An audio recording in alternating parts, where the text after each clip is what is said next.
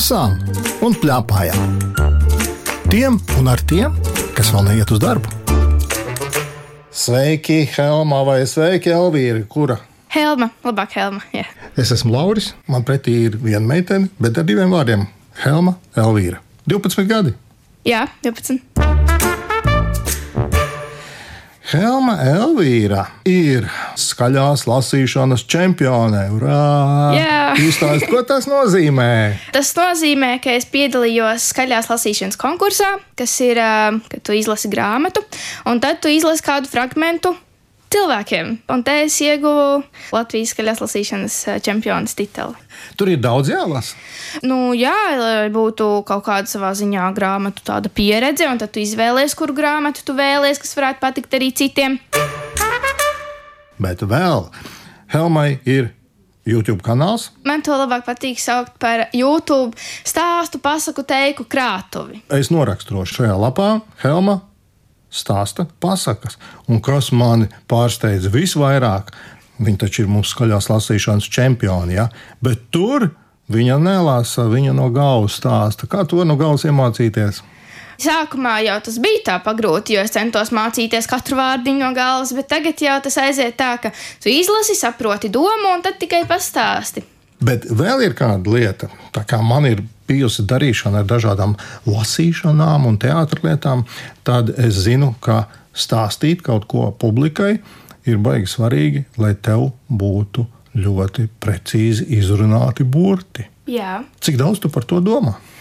Nu, reizēm ir tā, ka es aizraujos ar to, ko es stāstu, un es sāku stāstīt ļoti ātri. Un tas nozīmē, ka tā dikcija paliek tāda šaubīgāka, un neviens vairs nesaprot. Un tad man ir jāpiedomā vairāk pie tā, lai es stāstu lēnāk, un tad arī var saprast, ko es saku. Aktieri parasti trenē dikciju, tu arī trenē. Mums ir viens video par mēlis mežģiem, tos reizēm atkārtoju pie sevis. Aha, es gribētu jums piedāvāt viens tāds mēls mežģis. Es mēģināšu, un Helma mēģinās, kurš labāk. Un tas ir tāds. Es teicu lēni, vispirms Aha. nolasīšu. Žigls, žogu, zaglis, zog, žogus. Un tagad es ātrāk mēģināšu. Žigls, žogu, zaglis, žogs, žogs. Nesanāca. Žiglis, žogus, zaglis, zog, žogus.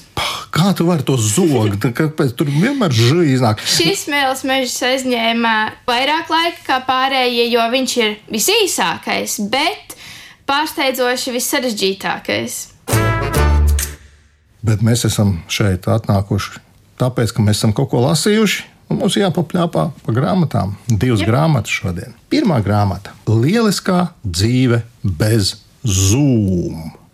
Tās autore ir Ilze Skrastiņa. Es ceru, ka man nevienam nav jākomentē, kas ir zūmu.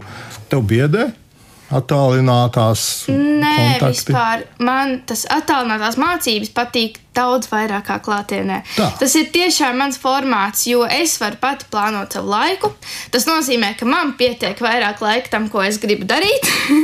pietiek vairāk laika arī mūzikas skolai, manam YouTube kanālam. Es gribētu teikt, cītīgi mācos, tāpēc ar to viss ir kārtībā. Es izlasīšu no grāmatas otras puses, no aizmugurējā vāka. Kur tā grāmata ir? Kad skola ir tieši saistē, tev ir podziņa, ar kuru var izslēgt sevi no stundas, sarunas, strīdiem un citām situācijām, kurās negrib piedalīties. Var izlikties, ka dators salūz, internets neiet, skaņa pazuda, kamera nestrādā, bet īstajā skolā un arī īstajā dzīvē tādas podziņas nav.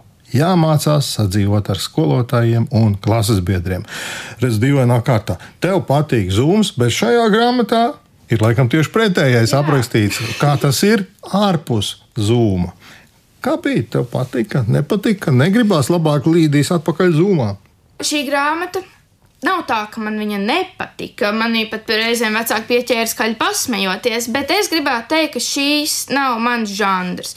Man labāk patīk tādas um, piedzīvojumu grāmatas, nopietnākas grāmatas um, ar tādām neparedzamākām beigām un sākumiem. Tā kā, jā, bet es zinu ļoti daudzus bērnus, kuriem šī grāmata patiktu, un arī tādiem slinkākiem lasītājiem patiktu, jo pirmkārt viņa nav ļoti gara, otrkārt viņa ir sadalīta ļoti daudzos mazos stāstīņos, kas ir smieklīgi, tiešām smieklīgi. Tā kā, jā, tās ir manas domas. Nu, redz, tomēr ir smieklīgi. Un man liekas, arī šausmīgi piedzīvojumi. Piemēram, šeit ir Elza šausmīgais sapnis, ka viņai pazūd telefons un ka Jā. nav telefona. Ko tagad darīs? Man liekas, šausmu stāstu briesmīgāku. Es nezinu par šo. Vēl atklāšu, ka šī grāmata ir sadalīta nosacīta divās daļās. Ir divi galvenie varoņi, ir Miks un ir Elza. Mika daļa ir pirmā, Elzas otrā. Tu nepamanīji kaut ko tādu pazemojošu šajā dalījumā, ne?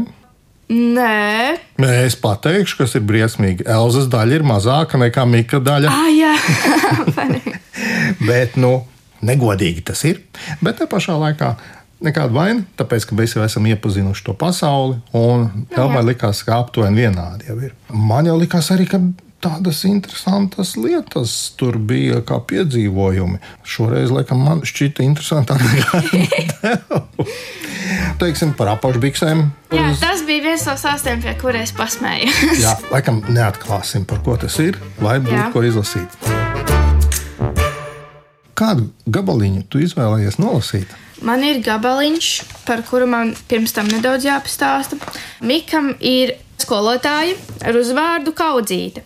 Un viņa ir atstājusi Miku par atbildīgo, pierakstīt bērnu vārdus, kas runā, kamēr viņi iet prom, un atstājusi visiem uzdevumu uzzīmēt kādu augu, ko viņi paši ir izdomājuši. Kamēr visi smējās, apjēdzu, ka uz manas lapas nav ne vīteņa, ne tīteņa, nav nekā, tikai klases biedru vārdi. Mēģināju ar brūno zīmolu tās aizkrāsot un uzzīmēt koku, bet īsti nepaspēju. Kad skolotāja pievērsās man, uz lapas bija izveidojusies tikai brūna čupa. Un kā sauc tavu augu? Nevarēju ātrumā izdomāt, tāpēc teicu, tā ir brūnā, brūnā kaudzīte. Jā, brūnā kaudzīte. Nomurmināju, jo negribējās špikot no pārējiem. Vakarā ēklasēm ar mammu saņēmu vēstuli no skolotājas kaudzītes. Šodien gāju atvainoties, jo smieties par citu uzvārdiem esot bērnišķīgi un nejauki, bet goda vārds es to nedarīju tīšām. Tas bija atbildības smagais sloks. Lūk, Jā. nu, katrs jau atrod to interesantāko gabaliņu tur, kur tas vairāk attiecās uz viņu, vai ne? Jā. Stāstu labums jau tieši tajā, kur mēs spējam identificēties ar šiem varoņiem, ja tā vienkārši, ja mēs sakām, kur mēs spējam samēroties, kur mēs saprotam to, kas tur notiek. Un tad, lūk, ar ko tad es spēju samēroties ar tētiem? Droši vien visvairāk, vai ne? Un es tad izlasīšu tādu gabaliņu. Tas ir tētu diena skolā, ieviesta, tur ir tā. Mīļie tēti, gaidām jūs uz nelielām svinībām. Plānojam jūsu sveikšanu. Māmas, nododiet šo ziņu tētiem, ierašanās sporta tērpā, skolotāja Ilona. Mans tētis, kuram mamma parādīja skolotājas atsūtīto ziņu, klusējot uz to skatījās un ilgi kaut ko domāja. Um, man nav sporta apavu, viņš beidzot iesaucās. Es nevaru iet, un man jābūt darbā, jo manām sanervozējies tētis piebilda vēl pēc maza mirkļa. Mēs ar māmu redzējām, ka tētis ir ļoti uztraucies. Patiesībā viņš bija pat nobijies. Kas man būs jādara? Es nemaz nezinu, kur jāiet. Dzirdējām, vai manājam tētim ik reizi, kad to dienu pagadījāmies viņa tūmā. Tu esi šito pamanījis, ka ar tētiem tā gadās, vai ar tavu tēti tā negadās? Nu, ar mani tēta tā negadās. Vismaz eh, cik es esmu redzējusi, viņš ir eh, tāds ļoti drosmīgs tētis un tā tālāk. Bet, eh, nu jā, ar tiem tētiem ir tā kā ir. Tā kā ir. Jā, tur runā par citiem tētiem. Jā, man šķiet, ka tur tiešām varēja tīri labi padomāt. Gan par tētiem, gan par mamām, gan par to, ko mēs ikdienā darām, cik tas ir jēdzīgi vai neiedzīgi. Man šķiet, ka forši ka atšķirās arī šie Mika stāsti un Elza stāsti. Jā, Nu, mēs par to droši vien vēl varētu daudz un dikti stāstīt, bet mums interesē, ko tad Helmas tētis par to saka. izlasīju ātri. Noteikti eh, viņa patīk eh, Helmas vecuma. Man liekas, ka zēniem vairāk kur ir slinki uz lasīšanu. Mums ģimenei patīk improvizācijas teātris. Un tur ir tās uh, īsās formas. Bija smieklīgi, pasmējamies, nav smieklīgi, ir jau nākamais stāstīns. Šī ir tāda no tādām grāmatām. Tu pasmējies, ir forši, nākamais varbūt tās ne tāds, bet viņš ātri beidzas. Un tad var lasīt atkal tālāk. Tādam um, 12-gadīgam čalim vai arī meitenei, man liekas, ka ļoti laba grāmata. Lai uh, gribētos lasīt, tur ir tā viegli. un ātri. Par dzīvi. Jā, tieši tā par dzīvi.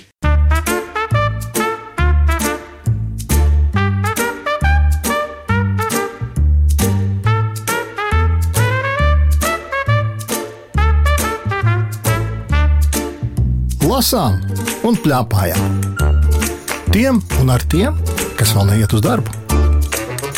Nu tā, tagad mēs esam tikuši galā ar lielisko dzīvi bez zūma, un otra grāmata ir divreiz lielāka pēc skata. Un tās nosaukums ir Vaņģe G-Men.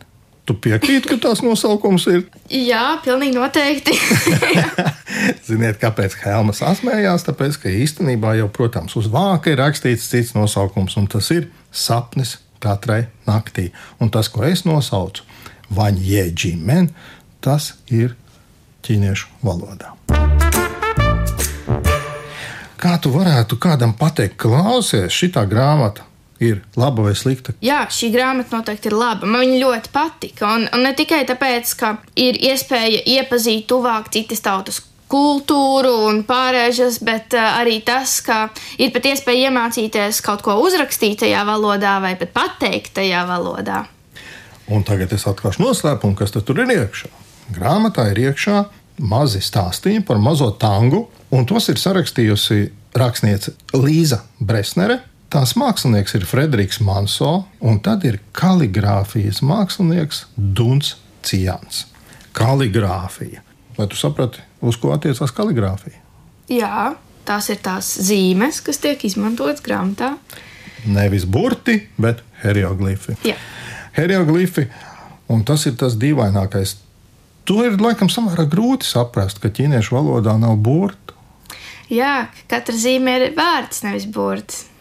Iedomājieties, cik daudz viņiem ir jāatcerās kaut kas. Nu jā, bet savā ziņā jau visi tie vārdi ir veidoti no kaut kādas konkrētas zīmes, kas ir jāiemācās, un tad tikai jāsaprot pēc loģikas, kā viņi tur iet uz priekšu un ko tas varētu nozīmēt. Jā, jā, jā tu tā šausmīgi vienkārši izstāstīji. Kā latvieši saka, ķīniešu abece. Tas ir vienkārši. Katrā ziņā grāmata izskatās tāda, ka šos stāstīņos iekšā jau ir mums atšifrēti hieroglifi, kurus mēs varam paskatīties un ne tikai uzzīmēti un atšifrēti ir šie hieroglifi un ir ielikti latviešu tekstā iekšā, bet arī mums ir aprakstīts, kā šos hieroglifus var uzzīmēt. Tu paprovēji kādu no viņiem uzzīmēt? Jā, un es pateikt, ka man nesanāca. Vai ne? Jā. Tāpēc, laikam, jau ir kaligrāfijas mākslinieks, un cik es saprotu, tur Un ir. tur ir tā īpašā otiņa, kuru man nevienmēr var dabūt mājās.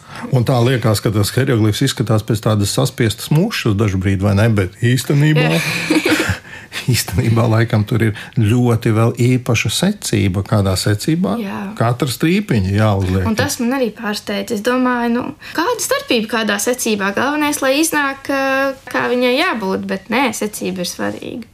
Jā. Man katrā ziņā šī šķita viena no dīvainākajām, bet tādā labā nozīmē, neparastākajām grāmatām, kādas esmu turējis rokās. Jo gan šis saturs, gan šī grāmata ir skaista. Un tas, cik daudz un ļoti neparastas lietas mēs varam uzzināt, kur mēs varam nokļūt neparastā piedzīvojumā tikai no tā, kā tiek uzrakstīti burti, ne burti, bet hieroglifi. Saki, lūdzu, kuru gabaliņu tu izlasītu no šīs grāmatas, lai vēl mums kādu papildus Nu, dotu kādu priekšstatu? Es izvēlējos tādu, manuprāt, vienu no domīgajiem gabaliņiem. Vai tu izlasīt. pamanīji, ā, kā atšķirās šie teksti? Ir kaut kādi tādi raksturīgi, viņi savādāk domā, varbūt tie ķīnieši.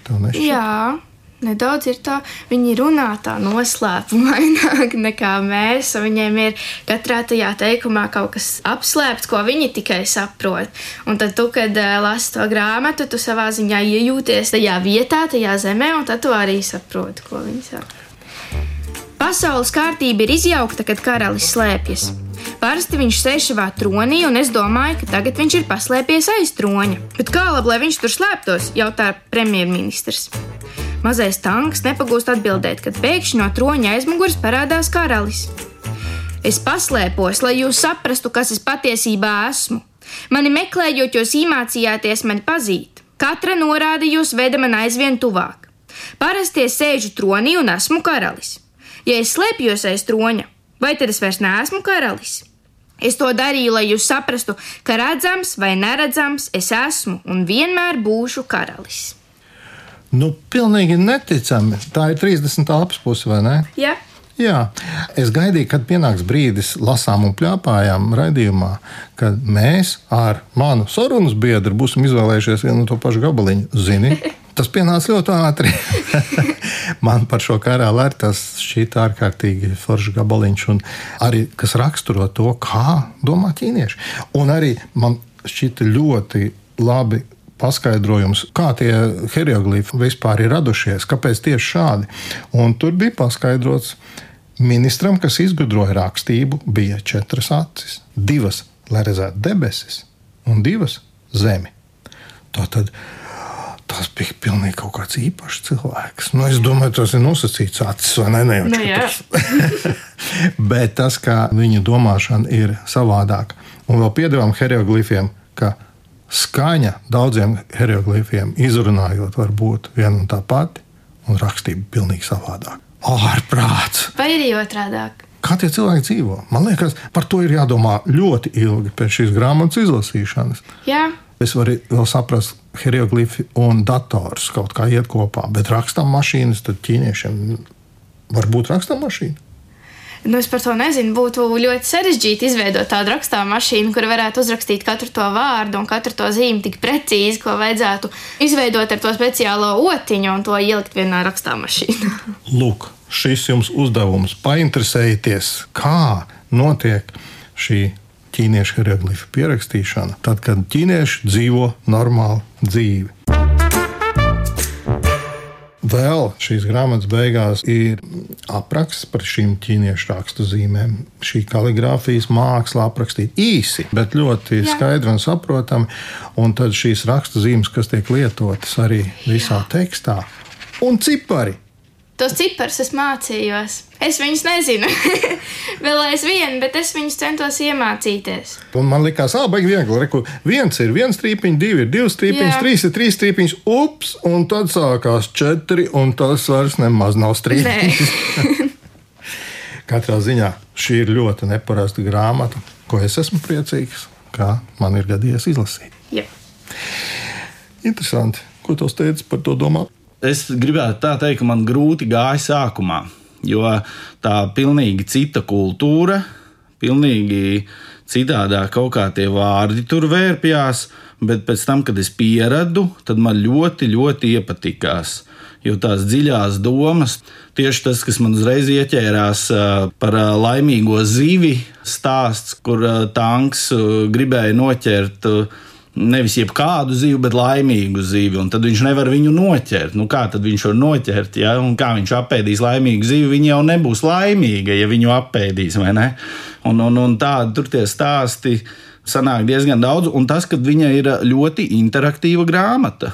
Tu izlasi grāmatu, un paralēli tu pat esi mazu, mazu daļu, bet kaut ko tu esi iemācījies gan no ķīniešu kultūras, gan arī pat no valodas. Intriģējoši katrā Jā, ziņā. noteikti. Paldies, Helma! Bija baigi forši parunāt ar skaļās lasīšanas čempioni. Ar Helmu Elvīru runājās Lauris Gunders, raidījuma redaktore Agita Bērziņa, skaņu režisori Valdis Raitums un Kristīna Delle. Raidījumu vēlreiz var noklausīties Latvijas Rādio 1 mājaslapā, arhīvā un populārākajās podkāstu vietnēs. Klausies podkāstus kādreiz? Jā. Kādus? Kur komiķi pārspriež dzīvi? Tiekamies nākamajā lasām un plāpājam.